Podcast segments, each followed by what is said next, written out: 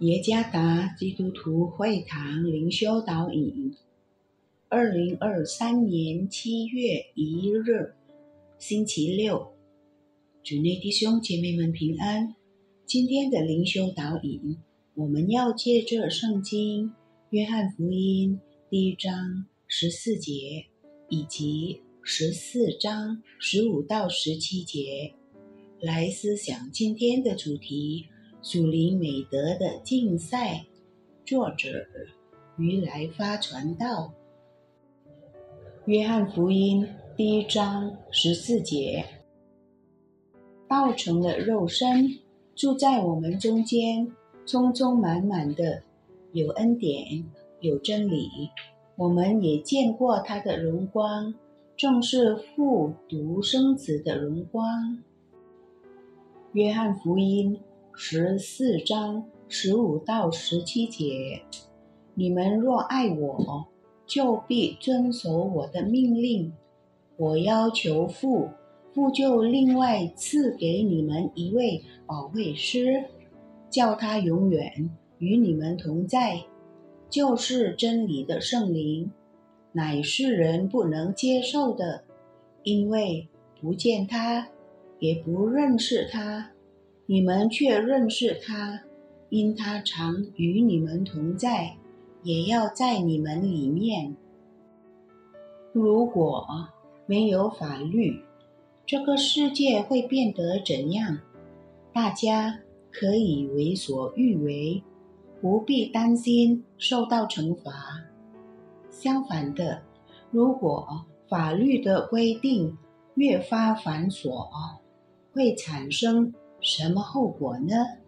大家可能会更守规矩，但是生活也就越来越受限制。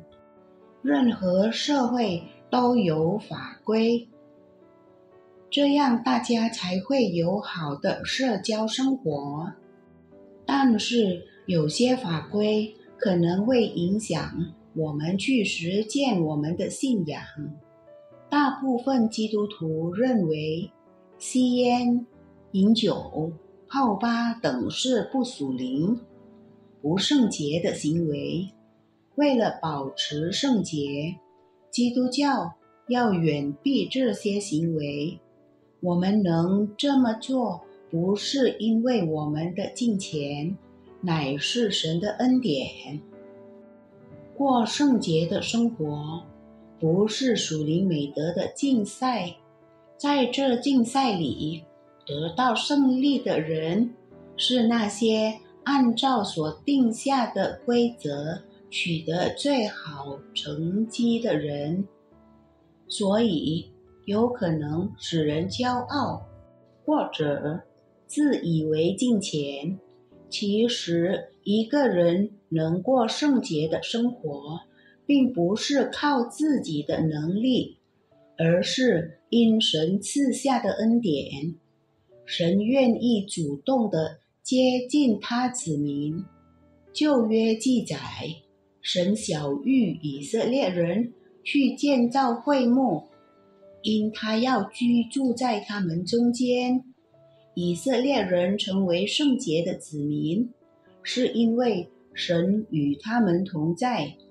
新约教导我们，神差遣耶稣基督降生世界，神借此与他的子民同在，正如约翰福音第一章十四节所记载的，道成了肉身，住在我们中间，充充满满的有恩典，有真理，我们也见过他的荣光。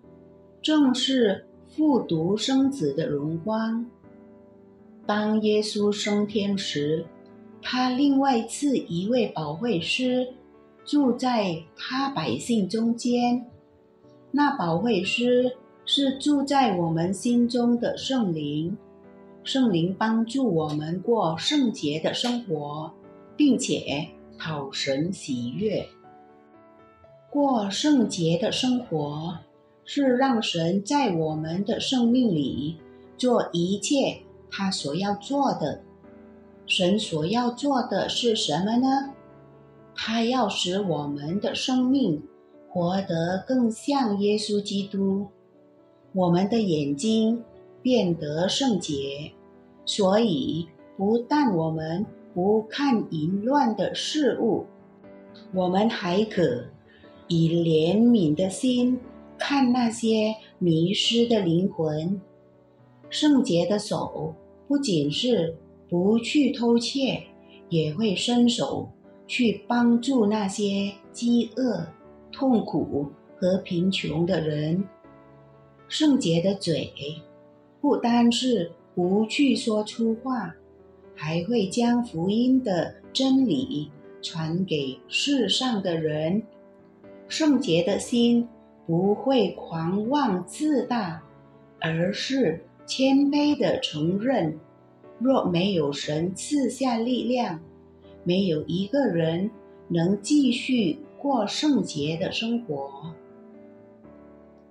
过圣洁的生活是让神在我们的生命里做一切他所要做的。